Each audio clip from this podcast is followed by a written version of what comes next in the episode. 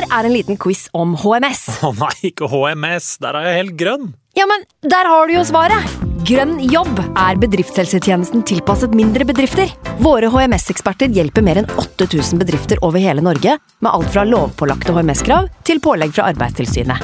Få på plass bedriftshelsetjeneste på grønnjobb.no. Hallo? Jeg kommer fra Oslo politikammer.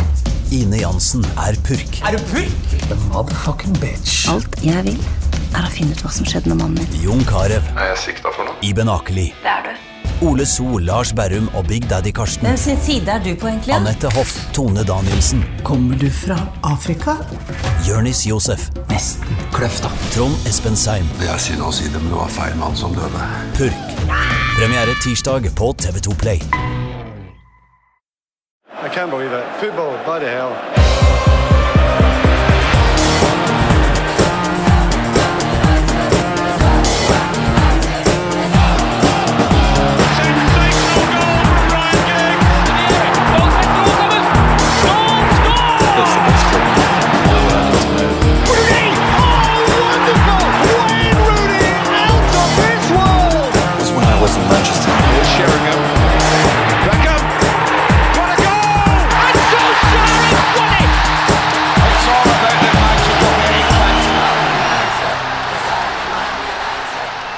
Velkommen skal du være til United We Podcast. Mitt navn er Ken Vasenius Nilsen. Nå ruller endelig eh, ballen igjen på engelske baner. Eh, vi har eh, spilt mot Spurs, eh, første kampen på ganske mange måneder. Kanskje et lite antiklimaks, men i hvert fall ett poeng eh, fra Tottenham Hotspur Stadium.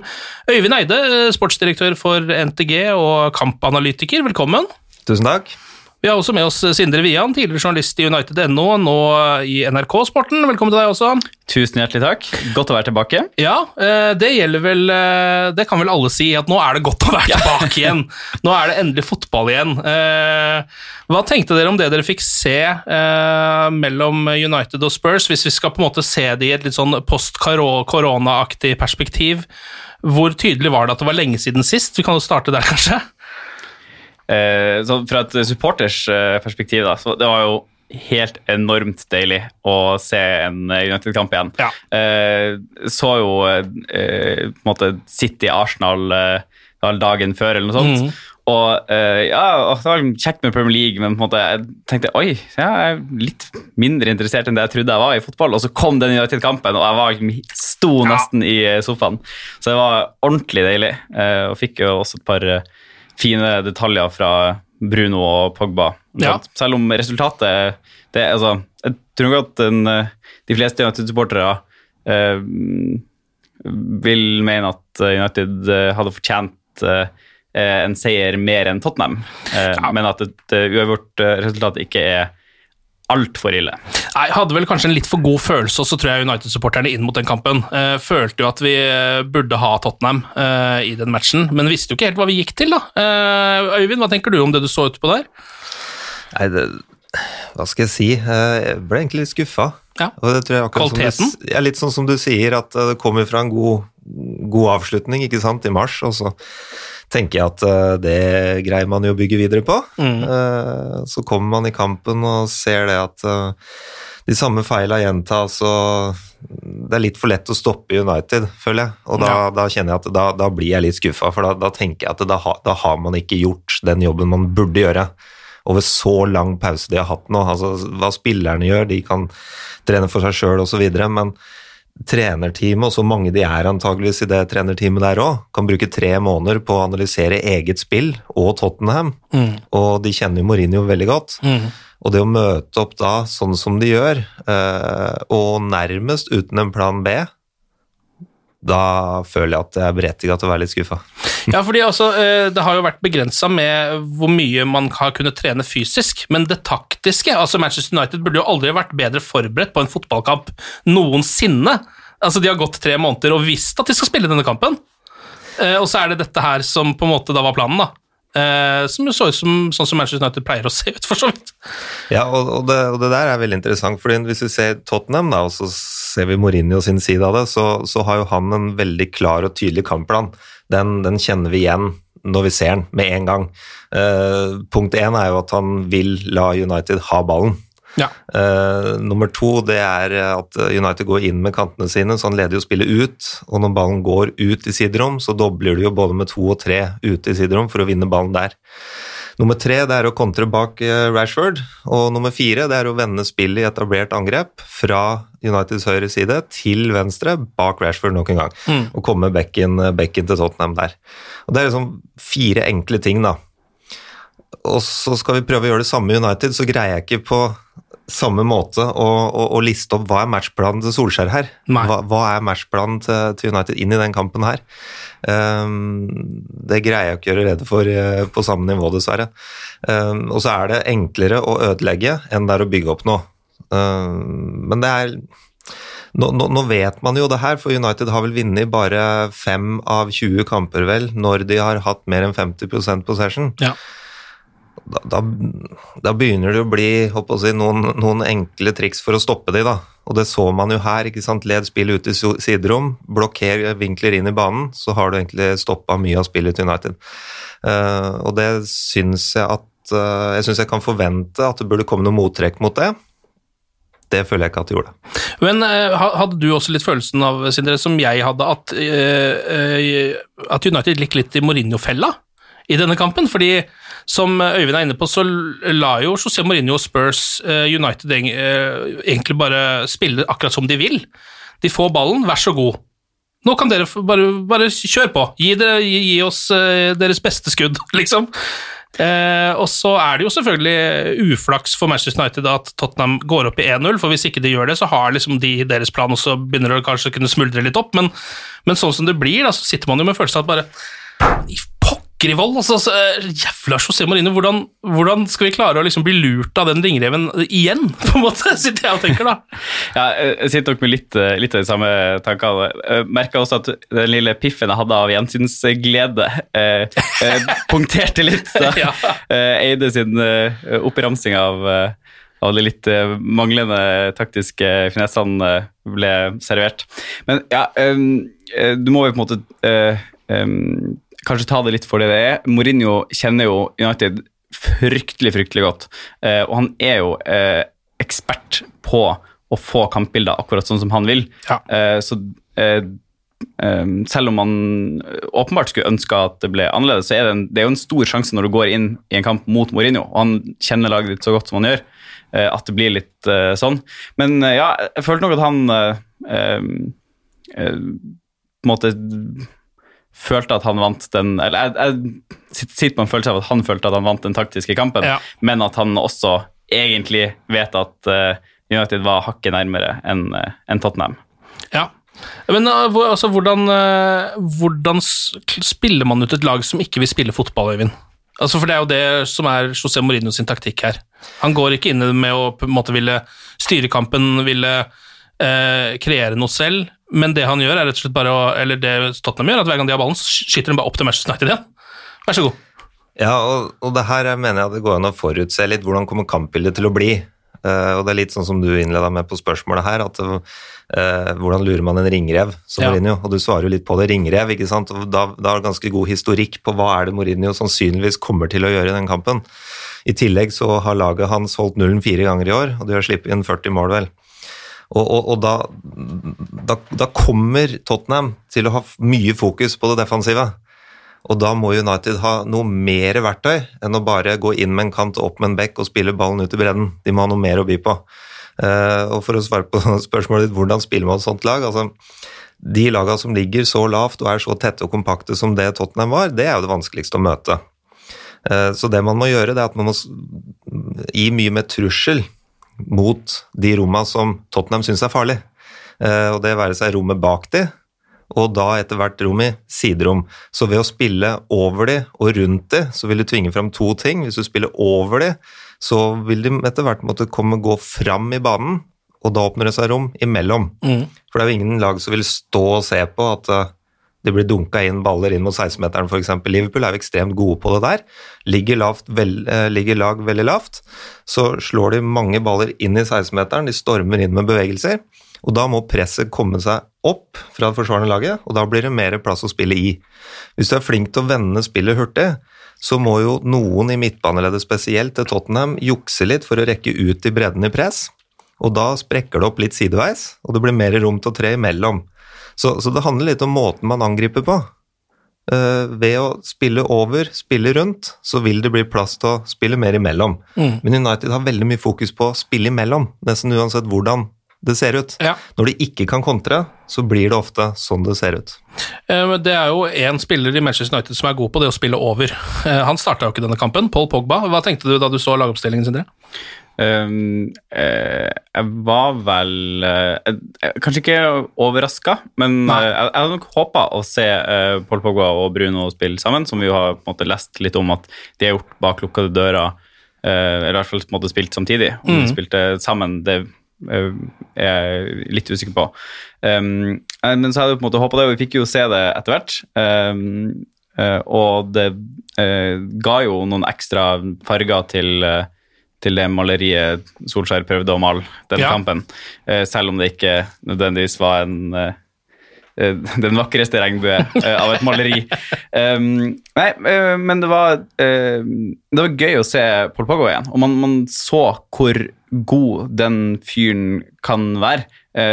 Han glimta veldig godt til, spesielt med noen pasninger, og den Når han uh, venda Eric Dyer måte helt ut av stadion. Ja. Eh, ja, nei, det, var, det var gøy å se eh, akkurat det. Eh, men ja, nå ser jeg det er en kommentar fra Ja, Eide men her. men, men det, det du sier der, ikke sant? det skulle Pogba starta, det er ikke sikkert det er riktig, for det begynner å bli mange måneder siden han har spilt kamp. Eh, Men at den burde komme inn før, det, det syns jeg burde. Eh, For når du får Pogba og Fernandes sammen, så har du to spillere som er gode én mot én. Du har to spillere som kan tre gjennom på veldig små flater. Du har to spillere som kan vende spillet hurtig. Og det så vi jo når de kom inn, at Tottenham de ble veldig smale sentralt for å stenge de rommene, og de ble veldig redde for de rommene. De turte ikke å gå ordentlig i press, de visste ikke helt hva de skulle gjøre, havna litt på halvdistanse, og det er blant annet da sjansene Martial kommer. Den kommer jo ekstremt små rom, men de er i stand til å gjøre det, og der, der blir Tottenham litt passive, fordi de er redde for å gå ut. Ja. Samtidig så blir det mer plass i bredden, og vi fikk noen flere farlige innleggssituasjoner fordi de får lengre vei ut å jobbe, fordi de står inne og er redd for de to spillerne der. Mm. Så det er eh, Jeg er veldig spent på hva, han, eh, hva Solskjær gjør nå. Eh, Vi snakka om det rett før vi gikk på her, at det er mange kamper nå på kort tid. Ja, hva var det Eh, vi fant ut at det var eh, fire kamper på elleve dager? eller noe sånt? Ik ikke sant? Og, og da er det jo uh, tre måneder siden de har spilt kamp.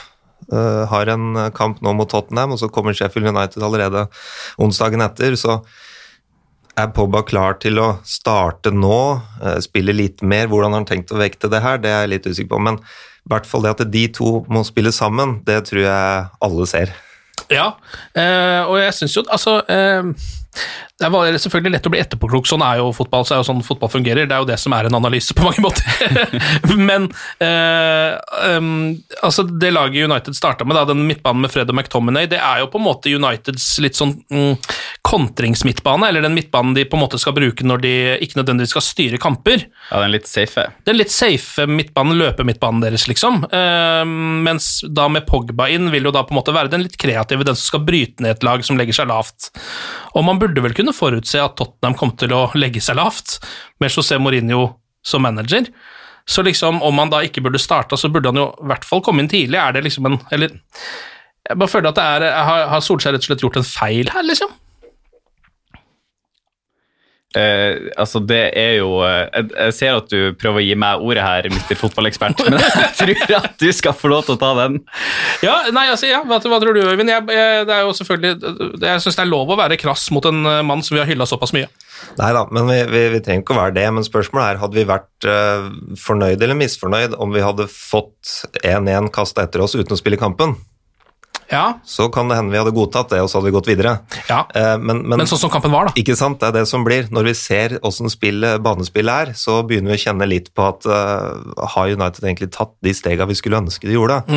Og nå har de så å si hele spillematerialet sitt eh, klart, og, og, og utfordringa er jo i hvor god form er Pogba. Det, vi har jo ikke innsyn i alt, ikke sant? Nei. så det å sitte her eh, i en god stol i et varmt rom her og si det at eh, det skal se sånn og sånn ut, det, det er selvfølgelig den enkleste oppgaven i verden, men um, å vite litt hvordan huet hans fungerer, hvordan kroppen hans fungerer, alt det der, det, det får vi jo ganske mange svar på nå de neste åtte dagene, da. Eh, så, men, men, at han bør spille mer fordi han dominerer så mye som han gjør, og kan gjøre det sammen med Fernandes, det tror jeg er eh, Det kan være helt, helt avgjørende i forhold til en Champions League-plass og i forhold til å uh, gå videre i Europaligaen. Eh, nå må det jo også tillegges at eh, det er jo litt tilfeldig at Tottenham i det hele tatt får seg et mål i denne kampen, vil jeg si. Eh, god pre prestasjon av Bergvin, absolutt. Soloprestasjon. Går av noen mann, eh, rykker forbi. Avslutninga, skal David De Hea ta den, eller Sindre? Ja, eh, det er ikke en eh, det er ingen tiere på børsen til eh, David G etter, etter den inngripen der. Den kommer, altså den kommer hardt, men den kommer ganske midt på han. Eh, og ja, jeg ble, jeg ble litt skuffa over at den, den gikk inn. Ja, og utrolig bittert også, da. Liksom, ja. Da har jo Manchester United kjørt kampen i 28 minutter, eller hva det er. Og det er jo akkurat det altså Mourinho vil. Det er å Ja. bare få seg det målet, og så bare Ok, yes, da setter vi 90 mann bak.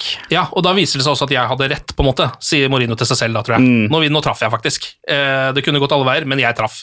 Så, Men, men der er det altså Ja, DDG burde jo antakeligvis tatt den, eh, men ballen starter vel hos Hugo Lloris. Og da har United elleve spillere på rett side. De skal, Tottenham skal nå passere elleve spillere for å score, og det er akkurat det de gjør. Ja. Det, det, det skal ikke være mulig når du har alle elleve på plass. Men det foregår mange ting her. ikke sant? Det første er jo når ballen blir spilt over hodet på Rashford, så står han eh, side om side omtrent med den spilleren som vinner andreballen etter en duell i backledda. Og den avstanden de to imellom den blir bare større de neste to-tre sekundene, fordi Rashford følger ikke med. Så hvis han hadde flytta seg mens ballen er i lufta, så kunne hele situasjonen vært avverga der sånn, og det er ingen som hadde snakka om De Gea og legger skylda på han. nei. Og så har du jo Lindelöf som blir stående langt ute på sida i stedet for å skyve etter Maguire, og kan være to mot én der inne i stedet for at det blir én mot én. Og så gjør Maguire feil ved at når han er aleine én mot én, så må jo han falle litt av og håpe at Fred kan løpe den opp, f.eks. Eller at Lindelöf endelig kommer på plass. I stedet så støter han og går i press langt utafor 16. Ja. Og da står DG der, da. ja. Det, det er mange ting som skjer her, men sånn er det ofte når det blir mål imot. Da, så er det jo mange små ting på veien dit. ja. Eh, Men da er vi inne på en annen ting igjen, og det er jo hvis du har tenkt å bruke Pogba og Fernandez sammen, så har jeg lyst til at det skal være en midtbanetreer. Eh, Og når det stoppespillet er som det er, så har jeg lyst til at det skal være tre stoppere. ja. Så, så om det blir 4-3-3 eller 5-3-2 jeg tenker at eh, det er på tide å i hvert fall prøve seg på en midtbanetreer, det har jeg sagt ganske mange ganger. Ja, det har det. Men jeg savner også et ordentlig wingspill, Eh, og så syns jeg det er tryggere med tre stoppere. Ja, ok, så men da så, vil du på en måte ha en, ja, altså tre stoppere, eh, Pogba, Bruno og McTominay eller Fred, da, som de tre midtbanespillerne. Og så to wingbacker-aktig, eller? Ja, Ja. det, det blir det. Og de, Shaw Bisakka som wingba- wingbacker-aktig? For eksempel. Ja. Og de har jo gjort det en del kamper og spilt veldig bra. Eh, Men, men eh, det er jo også noen som vil ha Fernandes som innoverkant i 4-4-2, ikke sant, Fra, sånn som de gjør i Portugal. Men eh, jeg savner et ordentlig kantspill, da. Eh, og hvis du kan ha 5-3-2 med f.eks. Rashford og Martial som spisspar, Ja. med to indreløpere, Pogba og Fernandes bak de, Mm. da begynner det å lukte krutt av den frontrekka. Ja. Så, men vi får se. Det er, det er litt sånn jeg drømmer, da. Ja, ja, men det, ja, men jeg føler at du absolutt kan være inne på noe der. Eh, hva syns du om det du så av Bruno i det hele tatt, eh, Sindre? Han var jo eh, på en måte den mannen som vi hadde størst forventninger til før matchen. Ja, eh, det stemmer nok. Og jeg syns nok han var den som eh, eh, innfridde mest til de på en måte, Eller til forventningene. Ja. Eh, han, på min blokk så var han Uniteds beste. Eh, bare for å tjuvstarte litt på eh, Ja. poenggivninga. Um, Uh, nei, uh, men han, uh, som alle andre spillere, var jo litt kamprusten. Det var jo ikke det, men, men det er jo på en måte tydelig at han fortsatt vil, og han var jo den som løp mest for United. Eh, så han, har jo, han er jo godt, godt trent etter dette, og det vil jo vise seg å bli ganske viktig etter hvert også at man har spillere i god form. Eh, og som eh, eh, Ja, Arsenal har jo allerede klart å miste eh, halve troppen til diverse skader. Det er jo ikke alle de på en måte direkte eh, liksom, dårlig trent-relatert.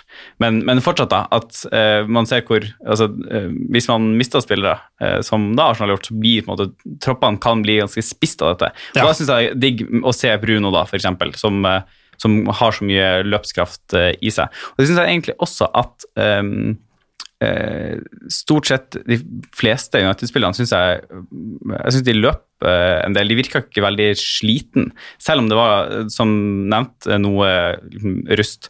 Og det lurer jeg egentlig på, eh, Øyvind. Eh, Hva em, Noe taktikk eh, var ikke helt eh, riktig inntil denne kampen, men eh, åpenbart eh, litt kamprusten gjeng. Eh, den balansen mellom det, eh, altså hva, eh, hva var det som gjorde det?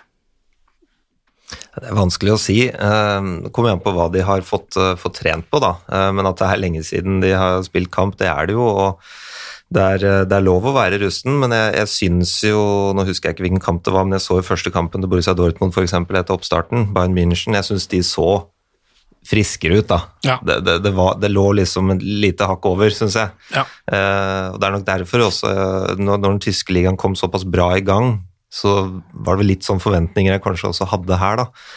Eh, men, men, men det går også litt på at de Sånn som Marcial, han møter jo veldig mye. Eh, Blir spilt på fot, veldig mye feilvendt. Han har ikke så mange harde løp inn i bakrom. Da er det vanskelig for meg å vurdere hvor godt trent er egentlig han. Ja. Eh, Fordi det var mange som tok de korte løpene imot, i stedet for å ta de harde løpa inn bak. Eh, og da kan det godt hende vi hadde fått sett et annet kampbilde, og kanskje sett noe annet også, i forhold til det du sier der med eh, kamprusen, da. For når du skal spille på noen som løper inn i rom, så er det vanskeligere eh, å treffe den personen enn en som kommer imot og skal ha en kortpasning. Eh, Så, så jeg tror vi hadde fått flere svar på akkurat det der, eh, om de hadde gjort flere sånne typer løp, eh, samtidig som at eh, de, de, de, jo, de vender jo tilbake til vanene sine, ikke sant? Og, og det blir litt sånn eh, Når det blir så mange møtebevegelser, så blir det også et lavere tempo, og det blir mer daffere. Noe som gjør at det kan se mer sløvt ut òg. Ja. Ikke sant? Og, og det blir ofte også når motstanderlaget Tottenham ligger så lavt som de gjør òg. Så, så er jo det med på å dra ned tempoet litt òg. Og når i tillegg United har møtebevegelser, så, så blir det litt slapt, og det blir litt daft. Og da er spørsmålet Noen lag, Manchester City, har et ekstra gir på det. Det har ikke United. Og jeg tror litt av det med at de er russene, det forklarer ikke hele Det er ikke svar på hele spørsmålet ditt, men noe kan være det. Fordi de, de spiller seg sjøl litt inn i en sånn halvdaft modus ved å ha så mange møtebevegelser som de har. Mm. Ja, ikke sant. Så er- for, altså United, det er jo vanskelig å si, for de kan jo se kamprustne ut i den fjerde kampen i løpet av to uker og noen ganger. Ikke sant? Det er vanskelig å vite hva som er rust og hva som er slitasje eller andre ting. Det er jo helt umulig å si. Men du eh, må snakke litt om Antony Marcial. Eh, han har en gigasjanse i denne matchen som, han, som egentlig er mål. Han gjør alt rett, egentlig, men Lodis tar den. Utrolig nok. En veldig bra avslutning også Marcial. Men sånn ellers så eh, faller han jo litt inn i det mønsteret som vi er vant til å se, at han har en tendens til å i noen kamper bare forsvinne helt. Altså Blir litt sånn delvis usynlig. Noe jeg syns også skjer i den matchen her. Ehm, hvorfor tror du det skjer, eller hva, hva er forklaringen på det? Hva kan, han, hva kan han gjøre bedre, liksom? Nei, jeg tror, det handler nok litt om at han føler at han må involveres. Ja. Så At han surner litt når han ikke får så mye ball? Ja, eller kanskje ikke det, men, men at han har lyst til, å, være mer involvert. Da, og da blir det ofte at de, og det ser vi på andre spisstyper òg, som ikke er så mye involvert, så søker de ofte lavere i banen, Ja. bare for å få noen touch på ballen og kjenne på at du er med i kampen. Mm. Um, og, og, og da er det litt sånn, hvis du hadde hatt en Rashford da som kunne spilt sammen med han, så kan Martial gjøre det. Og så kan Rashford true rommet bak. Jeg tror de har en bedre dynamikk i bruken av Martial hvis han kan spille sammen med noen. For nå blir det veldig mye møtende, i stedet for at eh, han også kan være med og true rom inn bak. Mm. Uh, Og hvis du har to spillere som Pogba og Fernandes, da, som kan operere litt mer i mellomrommet, så tror jeg han i større grad kommer til å søke gjennom leddet bak der, altså, for da, da veit han at det her kan det komme stikkere, og det er allerede mennesker i rommet foran han som gjør at eh, det er mer naturlig å true rommet bak. Så du foretrekker, ville foretrukket kanskje å se Martial i, en, i tospann, da, som du har vært innom tidligere. Tror han er en bedre spiss i et tospann enn som en e e ener? Det er litt tydeligere oppgaver, da. Du kan liksom begynne på det enkle med at én møter og én stikker. Ja. Det, den er liksom veldig enkel å forholde seg til. Eh, Men av og til så kjenner jeg at eh, det er kanskje akkurat det jeg ønsker meg, bare for å bryte litt her. For nå blir det litt at eh, ok, Martial jogger ned der, og der står Daniel James fra før, ja, ikke sant, og så er- spilles ballen til back, og så er det liksom, det er det. I stedet for at det blir et hardt motløp og et hardt løp i bakrom, og så kan det åpne seg for at en innerløper kanskje kan stikke i bakrom. Altså da, da får vi flere, flere bevegelser samtidig, da. Det er jo litt det jeg savner. Mm. Um, United gjør jo fem bytter etter hvert. eh, Får inn på Pogba, som eh, begynner å skape litt. Grann. Men jeg har bare sett at Spurs bytta vel bare to mann. Eh, kan man lese noe ut av det? Er liksom, eh, betyr det at eh, Spurs er bedre fysisk forberedt enn Manchester United, f.eks.? Ja, det har jeg ikke noe godt svar på, egentlig, men eh, det, det vurderes nok ut fra den kvaliteten, tenker jeg, som, som Mourinho har i, i troppen sin. Um, men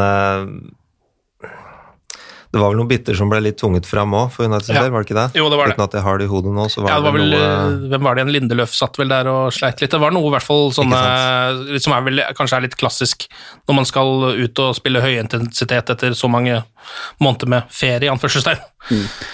Kan det være at eh, Tottenham eh, eh, til en viss grad følte at de hadde god kontroll på United, og Ja. Mourinho bare ikke ville rocke på det som fungerte, og at de eh, jeg vet ikke, trengte å løpe litt mindre, eh, fordi de på en måte kunne stå Ja. litt mer statisk. De trengte jo ikke å løpe veldig mye i den kampen, Tottenham. Sånn, I hvert fall ikke sånn som jeg så det fra stua. Nei, men jeg tror, jeg tror det viktigste du sier der, Sindre, er nok det med det mentale der. Altså, du, du har spillere som står i banen og tilsynelatende har uh, god kontroll, og så skal du sette inn én som ikke har eh, kampmoduset i seg i det hele tatt, og skal inn der i sluttminuttene og stå imot det presset som han antageligvis er redd for når han ser at Pogba Fernandes er der. Mm. Så, så jeg tror nok eh, det du sier der med, med det mentale rundt det, tror jeg nok er kanskje det viktigste. Eh, for da, da du skal ha en ganske rutinert og god spiller på benken som kan gå inn og ta det, eh, det moduset som matchen har da, i den fasen der.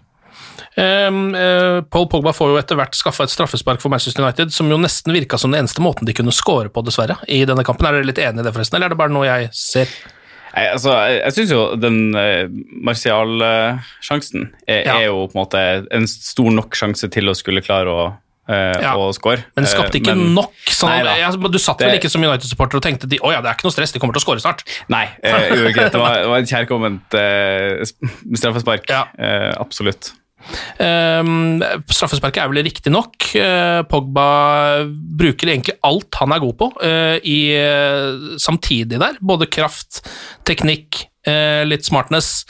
Og så er det plutselig straffe. Bruno stepper opp, og man tror vel at han skal ta trippestraffa si, Jorginho-straffa, mm. men det gjør han ikke.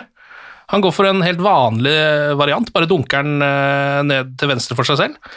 Ja, så, lenge, så lenge den går i mål, så eh, er jeg fornøyd. Ja, jeg bare lurer på om det har noe med å gjøre, fordi han bomma jo visstnok på et straffespark i den treningskampen mot West Brom. Ah. den kampen som nesten ingen har sett noe av. Eh, jeg bare innbiller meg at kanskje det var en sånn trippestraffe. At derfor så tenkte han vet du hva, nå skyter jeg bare et helt vanlig, helt vanlig skudd. Eh, for de får jo også et straffespark til, Manchester United faktisk, eh, eh, på overtid der, som jo blir annullert, da riktignok. Men da ser du at det er Rashford som skal ta det. Han står klar med ballen da, helt fram til dommeren bare sier at det blir ikke noe straffe likevel. Um, tror du det virker som at de skal veksle på straffeskytterne sine, eller er det bare fordi Bruno allerede har tatt dette, at det er lurt rent psykisk å gi den til en annen fyr? Eh, Godt uh, spørsmål. Uh, altså, Digg å få i gang det igjen. Kan jo være Ja. en greie, å bare få, få navnet sitt på skåringslista. En annen ting er jo, altså, eh, Jeg vet ikke om dere husker eh, kampen i Paris, men der var det jo en fyr som steppa opp og tok eh, et straffespark som kunne avgjøre kampen, Ja. og gjorde det med største selvtillit. Ja. Det kan være det. Det har under press. Um, Jeg hadde en veldig god følelse i hvert fall når han sto med den ballen. Jeg, Mm. jeg syns det er litt vanskelig å se, en, eller sånn, å se en spiller for sitt eget lag ta straffer nummer to, for det er så mye, da blir det så mye taktisk spill, på en måte. ja. Med keeperen og skal jeg gå på samme hjørne en gang til, skal jeg skyte i midten? Det blir så mye, mens liksom når det kommer en ny spiller opp, så tenker man bare alt er liksom blankt, han bare setter den, på en måte. Det, det kan vi godt tenke oss, men keeperen har samme utfordringa. Skal jeg gå der hvor han skjøt i stad? Ja, men han har liksom ikke så mye å tape, da. Nei da, og, og, og med mine lag så har jeg hatt uh, at det er to forskjellige hvis vi får to straffer. Ja, du har det, ja. Ja, uh, det har vært unntak selvfølgelig, men Eh, Det har jeg ønska meg nettopp pga. det du sier. Det, det blir litt for høyt taktisk spill når Ja. du skal ta to av to. Så det å få inn en ny en, det føler jeg meg tryggere på, men jeg har ikke noe belegg for å si det. Det er bare den følelsen som jeg, jeg har rundt det. Ja. Eh, Men, men det vi ser der òg litt, og det er det som vi snakka om innledningsvis her òg, med Pogba og Fernandez samtidig, det er at de er så gode til å gå av én mot én. Laga de vil falle lavere og lavere, for de legger så stort press på det, både med pasninger, skudd og driblinger, noe som gjør at eh, straffesituasjoner og dødballer kommer det til å bli mer av. Vi vet jo at det å utfordre på siste tredjedel, f.eks., det er en god kilde til å få dødballer. Der er United brukbare. Så eh, vi er nødt til å få de to spillerne. Altså det, det tror jeg alle er, er enige om òg. Bare håper at det kommer eh, før enn vi aner. Ja, ja. ja, vi får jo håpe kanskje at det kommer allerede mot eh, Sheffield United i morgen. Den kampen skal vi snakke mer om etter hvert også, men er det noe mer dere vil legge til om Spurs Man United post, første post-korona-match før vi går videre? Jeg- Jeg kan jo bare skyte inn at uh, siden det ikke er sagt allerede her, men det var jo fullstendig greit at det straffesparket ikke ble gitt. Ja. At det ble omgjort Ja. av eh, VAR. Det skulle jo bare mangle. Ja, absolutt. Uh, det, ja, men jeg bare tenk deg det at det var, en, det var en tid da det der hadde blitt straffe, og United hadde vunnet den kampen på det straffesparket der. Ehm, det er jo litt merkelig å tenke på. For det var jo en, var var litt sånn, det, man fikk jo det derre Der fikk jeg den gode, gamle Manchester United-følelsen. Den uovervinnelige følelsen at uh, uansett om du skulle drite deg ut i en kamp, så kommer dommeren til å redde deg. ikke sant? For det der har vi jo, har jo sett det der før, det begynner å bli noen år siden nå. Uh, men den følelsen fikk jeg tilbake, og det er en god følelse! Det var litt synd at ikke det var det som ble resultatet her. Men vi må jo passe på at vi ikke sager huet helt av Solskjær her òg, da. Altså, det har vært en vanskelig tid for de. Uh, Så kan man si at det har det vært for, for alle i den perioden som har vært. Men eh, jeg leser vel også nå om noen eh, fysiske tester de har gjort som er eh, helt outstanding. Så de har gjort en kjempejobb i forhold til det individuelle opplegget. De har gjort en kjempejobb med å få alle skadefrie og klare til match. Eh, og jeg syns at de gjør mye bra i forhold til mentaliteten ved at de kommer tilbake på bortebane mot Tottenham. Så, Ja. så det, det, det er mange ting som også er bra. Det er som vi snakket om i stad her, at Hvis du hadde fått tilbud om 1-1 og slippe å reise og spille den kampen, Ja. så kan det godt hende du hadde tatt den. Eh, Men pga. sånn kampbildet så ut, så er vi litt skuffa. Mm. Eh, Så, så vi, må, vi må se litt hvordan kampen blir mot, eh, mot Sheffield United, uh, før jeg på en måte dømmer koronatida helt her, tror jeg. Ja. Så det er en del positive ting å ta med så, men jeg hadde håpa at vi kunne se litt flere mottrekk mot sånn type forsvarsspill som Tottenham viser, for det kommer jo andre til å kopiere nå, så hva Mm. skjer neste gang? Ja. Ja, ikke sant. Og for- å liksom kanskje konkludere litt rundt det, så, så det du så, var på en måte litt sånn status quo i sånne type kamper for Manchester United. da. Kampene de må styre, de har ikke blitt noe bedre på det. Som jo er noe dritt. for det er jo mange av de kampene der. eh, Det er jo de det er flest av, på en måte. Så det er jo de man må bli best på også. Eh, Skal vi dele ut noen poeng kanskje til Manchester Uniteds eh, tre beste spillere? Jeg vet ikke om du har lyst til å begynne, Sindre? Eh, det kan jeg gjøre. Eh, eh, jeg har jo allerede nevnt at eh, det er Bruno som får min treer. Ja. Eh, jeg syns Pogba får nummer to. Ja. Eh, og nummer eh, altså det, Og ett poeng, det sliter jeg skikkelig med å gi. Eh, for jeg syns jeg syns Bruno var best, jeg syns Pogba var et lite hakk under, og så syns jeg det Det var på en måte så få som på en måte skinte noe mer enn Ja. enn, på en måte enn de to. Um, man kan jo gi et poeng til Luke Shaw fordi han får en utrolig vanskelig dag på jobben når han får så lite hjelp som det han får av Rashford, og måte blir får, eh, blir dobla på på, Mm. eh, på kanten. Og klarer seg for, ok gjennom det. eh, og regjere opp, ikke sant? Ja, Mm. eh, og eh, Tottenham eh, skapte jo litt fra uh, Shaw sin side, men de kunne på en måte absolutt skapt mer, Ja. ehm, siden de ofte var i overtall der. Mm. Så kanskje Shaw Ja. eh, kan få en. Øyvind, har du lyst til å bidra? Ja, jeg kan godt bidra og si at jeg støtter vel det, egentlig. Eh, og den ettpoengeren der er vanskelig å gi ut, for det er eh, Jeg syns det er litt flatt bak de to som stikker seg litt fram. Ja. Eh, så jeg har ikke noe, noe annet å si. Litt, litt helling mot Fred, kanskje, fordi at han deler jo den oppgaven med Shaw og skal forsvare det rommet bak, bak Rashford. Og det, det, det krever mye, altså ikke minst mentaliteten av at noen ikke gjør den jobben, det er du som gjør den jobben. Ja. Uh, og det også er tøft å ha med seg inn i sånne kamper. Mm. Så, så at uh, Fred og Shaw kan dele den litt Ja, jeg kan få et halvt poeng hver. ja. Det er jo et uh, poeng som altså Det siste poenget der skal jo på en måte tradisjonelt for Manchester United eh, på eh, bortebane gå til keeperen. På- De pleier å gjøre det ofte. Ja. Nå gjør de jo ikke det, fordi han hadde ikke sin beste kamp, David Gea. Eh, Henderson står jo eh, bra for eh, Sheffield United, har gjort det hele sesongen. Hva tenker dere om den, den vurderinga der? Om man skal ta inn en ung engelsk keeper, gi han sjansen. Han vil ikke komme til Manchester United hvis ikke han får stå fast. Det er vel ganske skrevet i stein allerede. Versus da en keeper som bare for noen få år siden var rangert som kanskje verdens beste, men som absolutt ikke er det lenger. Hva tenker du om det? Uh, personlig så tenker jeg at jeg vil uh, Altså, Dean Henderson har fryktelig mange år foran seg. Uh, og jeg Mitt drømmescenario er at vi klarer å på en måte holde på han, men fortsette å låne han ut. og så bruke DGA til han er ferdig, og så få inn Dean Henderson, hvis, hvis den muligheten fins. hvis vi ikke skal gjøre det, så vil jeg nok eh, Eller på en måte hvis det skal være et keeperbytte, så ser jeg jo heller at det skjer på en måte eh, så fort som mulig. Altså for å på en måte få så mye mm, eh, penger for DGA som vi klarer. Mm. Um, men Men er du fortsatt, eh, hvor trygg er du på å ha David Hea bak der nå, liksom? Åh, det, er, eh, det er liksom vanskelig. Han, eh, han gjør jo disse tabbene av og til, men eh, han han kan jo fortsatt uh, finne på å dra fram noe spektakulært. Ja, uh, han gjorde jo det mot Tottenham også. Han hadde jo en, en Ja. sinnssyk redning rett etter det målet. så ja, jeg kan huske. sånn var det vel. Ja, det var vel det. Uh, ja, der han både gjorde litt opp for seg. Ja. Og ehm, eh, han, alle keepere gjør tabber. Ja. Og David Gea er fortsatt en god keeper. En fryktelig god keeper. Ordentlig reflekssterk.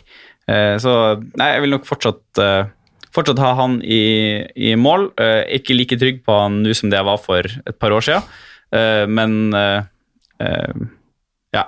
Ja. Jeg tror jeg fikk sagt mitt. Du vurderer han fortsatt som bedre enn Henderson, da? Ja, det gjør jeg. Hvis jeg skal svare, da, så har vi Ole Brumm på sida her som ønsker uh, både pose og sekk og beholde begge. Så kan jeg bare stikke huet litt fram da, og si det at jeg ville solgt deg, jeg. Ja. Brukt penga til å kjøpe en eh, kanon midtstopper, og brukt Henderson. Ja. For du tenker at rangerer Henderson som en vel så god keeper også, da? Sånn som kampbildene ser ut nå, så tenker jeg at uh, det der kan for det meste Henderson også levere. Ja. Og da er det litt som du åpna med, Sinder, at uh, kanskje han skal få noe erfaring nå mens laget er på vei opp, i stedet for å komme inn når laget er oppe. Mm. Det kan hende det er litt enklere for Henderson å tre inn nå og være med å bygge laget, i stedet for å tre inn når man kanskje skal forsvare noe i stedet for å angripe noe. Mm. Ja. Kanskje. Hva tenker du? Eh, jeg er voldsomt usikker. Jeg er jo, altså, David Gea har vært Uniteds beste spiller i mange sesonger. Det er så vanskelig på en måte å kaste han under bussen pga. noen småtabber. Eh, og så er det på en måte som Dette her var ikke hans verste heller, på en måte. Men samtidig Altså, eh, jeg tror United taper litt for mye poeng pga. han. Jeg gjør det, altså, dessverre. Eh, jeg jeg tror det er sånn som han har spilt i det siste, så er det på en måte Hvis ikke det er nå det er på tide å gi noen andre sjansen, så, så er det på en måte aldri på tide, da. Mener jeg, da. Så um, jeg kunne også tenkt meg å se, å se Henderson der. Um, selv om det gjør vondt å si det, nesten. For Så- såpass glad er jeg i David Gea. Så du går for Henderson? Jeg, jeg, jeg, begynner å lure på det, altså. Eh, Jeg skal gi han et par kamper til, så får vi se. Men jeg synes, altså når, når, å, når det begynner å komme opp i hodet, så er det så mange av de. Jeg bare tenker på uh, fotball-VM eh, mot Ronaldo der. Uh, han har hatt så mange sånne altså, det begynner å bli lenge siden han har hatt den derre eh, den der sinnssyke kampen som han hadde liksom, Det var vel mot Arsenal forrige gang, da han sto som en murvegg der. Eh, det er det tre år siden, eller hva det er. Liksom, det begynner å bli lenge siden han har hatt de kampene der. da.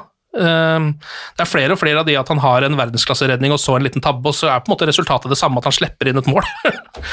Men eh, altså ehm, eh, det er jo ikke som, altså Dean Henderson han har vært god.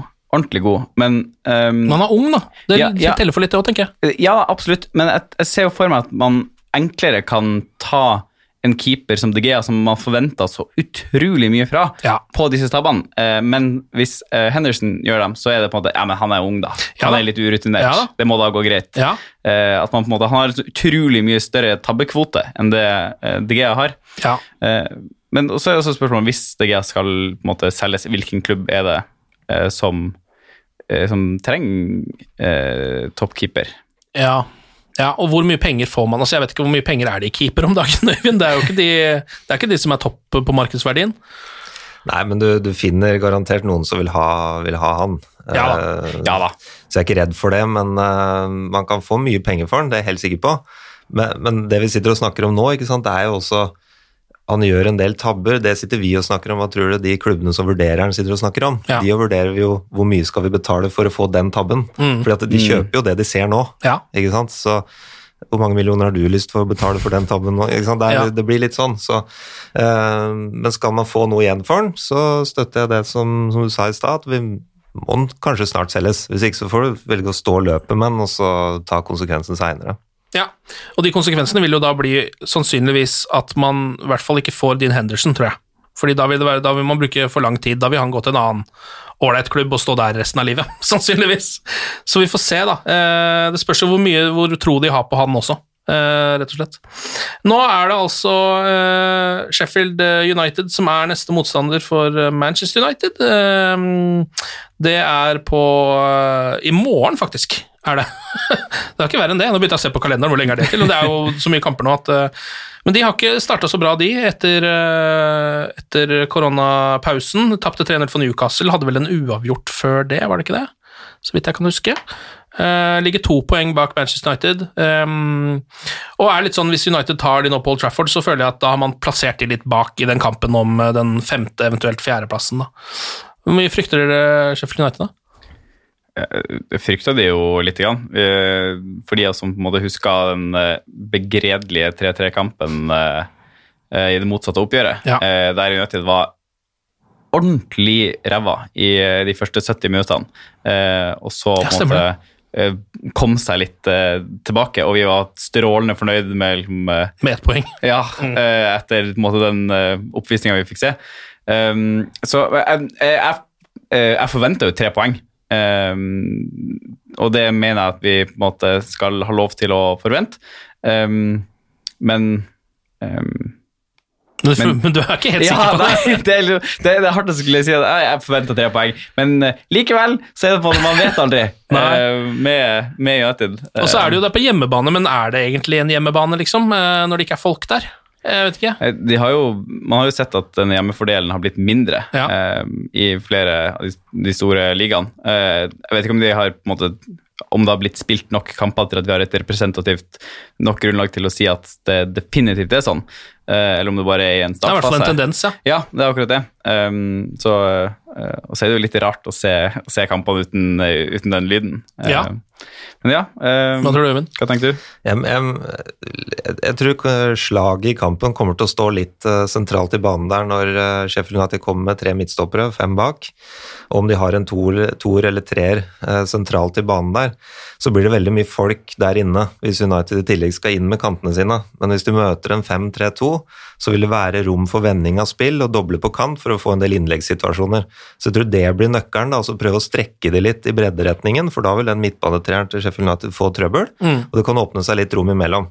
Så jeg håper ikke at det første jeg ser der nå, er at eh, Daniel James går inn, og Rashford går inn, og så kommer bekken opp, og så står vi låst der igjen. Jeg håper det er noe mer å by på enn det, da. Kunne det vært en idé å bare fått de til å bytte litt kant noen ganger? Eh, siden begge to absolutt skal gå inn fra hvert, sin, hvert sitt sted? Ja, det kan du godt Se om det- om det har noe å si. Ja, og det, og det kan de godt gjøre litt, og vandre litt fra, fra kant til kant og bytte seg imellom, og uten at de får beskjed om Ja. det. Uh, men uh, hvis- du ville vel, valgt mellom Daniel James og Rashford på en venstre kant for å gå inn og skyte, så hadde jeg valgt Rashford. Å oh, ja det er ikke noe tvil om det. Uh, ellers så kan vi også nevne at Scott McTominay har skrevet ny kontrakt. Den varer fram til juni 2025. En viktig nok signering for United, det. Ja, jeg, jeg satt på, på jobb i dag og, og hørte Sebastian Brunestad helt fra andre sida av byen. Ja. ja. Eh, Norges største McTominay-fan, ja. Riktig. riktig. Uh, nei, eh, det er god signering. Ja. Uh, Scott McTominay uh, blør jo alltid for drakta, eh, og eh, Man får alltid på en måte full innsats eh, av han. Eh, ja, jeg, jeg syns det var helt riktig. Mm. Det er ikke noe tvil om det. Um, er det noe dere vil tillegge før vi rett og slett sier at det var det, eller? Det var helt tyst.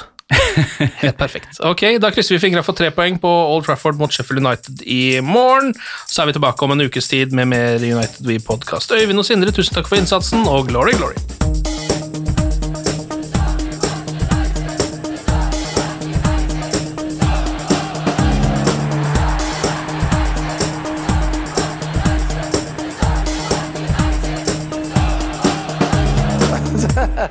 Oh, it's true. I've seen many things. Moderne media. Ukens annonsør det er matkasseleverandøren Hello Fresh. Der kan du velge mellom 25 ulike oppskrifter hver uke, eller få Hello Fresh til å sette sammen en meny for deg.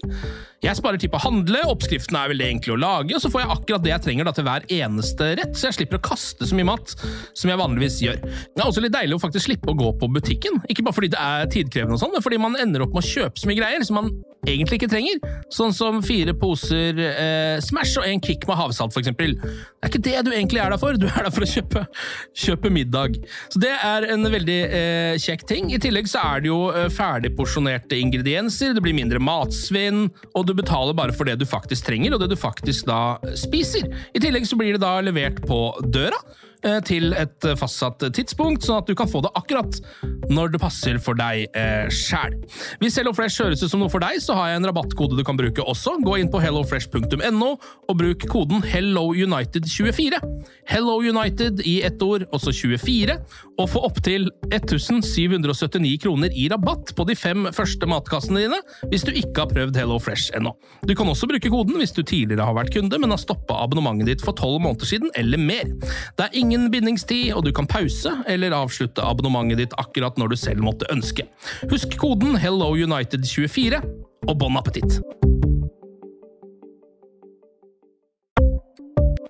Ukens annonsør er Folio, en smartere banktjeneste for deg som har en egen bedrift eller ønsker å starte for deg selv. Folio er en superenkel nettbank for bedrifter. Som kunde i Folio får du en bedriftskonto med et bedriftskort og app. I denne appen er det smarte løsninger som forenkler regnskapet ditt, uansett om du har en liten bedrift eller et enkeltpersonsforetak. Folio er både intuitivt og brukervennlig, og er laget med et enkelt språk. I tillegg tilbyr de forutsigbare priser og ingen skjulte gebyrer. Skulle du likevel trenge det, så kan du snakke med deres raske og hyggelige kundeservice, og der får du prate med en faktisk person og ikke en chatbot. Folio er med andre ord både enklere og koseligere enn banken. Over 10 000 bedrifter har allerede valgt Folio som sin banktjeneste, så besøk folio.no og se hvordan Folio kan forenkle din hverdag også. Har du et enkeltpersonforetak eller en liten bedrift? Da er du sikkert lei av å høre meg snakke om hvor enkelt det er med kvitteringer og bilag i fiken, så vi gir oss her, vi. Fordi vi liker enkelt. Fiken superenkelt regnskap.